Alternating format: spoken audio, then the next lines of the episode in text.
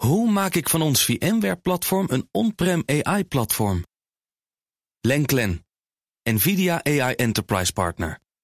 Lenklen, betrokken expertise, gedreven innovaties. Vader Jo van Buurik. Jo. Hey Bas en Mijnder. Ja, had het, al aange- Joe. had het al aangekondigd, groot nieuws op het gebied van AI, want GPT-4 is hier. Ja. Dat betekent dat ik nu wegga en dat ik verder Nou, GPT-4 nee, nee, nee. dit helemaal verder laat Nee, oplossen, of niet? gaan Bas. Gelukkig. Het is nog niet zo erg hier als in hier in de studio, maar wel Nee, hier. zeker weten. Nee, alleen gisteravond gepresenteerd door OpenAI in een grote videopresentatie Ja. met demo's. Maar voor de goede orde, dit is dus de nieuwe versie van het taalmodel waarmee ChatGPT werkt. Ja. Dat draaide nog op versie 3.5. Eh, maar bijvoorbeeld die chatbot in de Microsoft zoekmachine Bing, Ja. eh, waar- eh, waarmee we de afgelopen week ook al eh, gespeeld hebben, die draait al op die GPT-4, weten Aha. we nu. Dat is nu bevestigd. En nu heeft OpenAI verteld dat ze de afgelopen maanden hard gewerkt hebben om ChatGPT met versie 4 te verbeteren.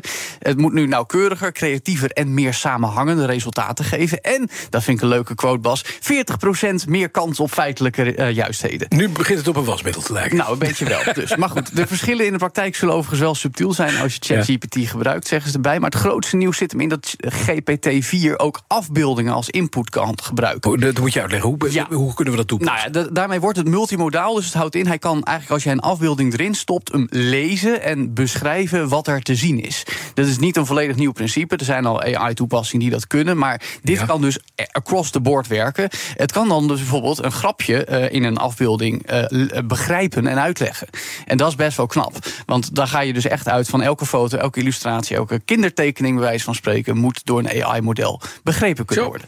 Eh, het gaat nog verder, want GPT kon al helpen met programmeercode opstellen in versie 3.5. Maar 4 kan een hele lijst code krijgen en de fouten er voor jou uithalen. Hmm. En je kan hem zelfs een afbeelding van een website geven en zeggen: Dit is de programmeertaal die erachter zit. En dit is de code. En zo kun je het precies namaken. Oké. OpenAI benadrukt wel dat de mens in veel situaties nog steeds capabeler is. Maar GPT-4, ja, Bas, we kunnen ademhalen. kan prestaties leveren op eh, professioneel en soms academisch niveau.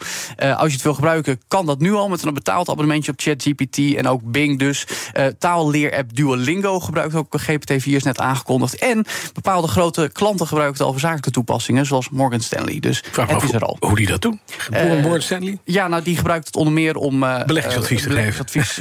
nou ja, niet advies. Nou, 40% maar wel- van de tijd zijn we beter geworden dan eh, vroeger. Dat het gaat de goede kant op. Het persbericht zegt wealth management. Dus ik denk dat het in ieder geval in kaart brengt waar de geldstromen lopen, zeg maar. Nou, Google eh, meteen een antwoord, hè? Want daar komt nu, ook het nodige AI-nieuws. Ja, het is wat dat betreft een beetje een herhaling van twee maanden geleden. Want toen haastte Google zich met AI-chatbot BART. eh, Maar ging ermee op zijn Ja. bek. Verloor 100 miljard dollar aan beurswaarde. We kennen het nieuws nog vlak voordat Microsoft met nieuws kwam. Dat ze wel heel erg veel waarde gaf.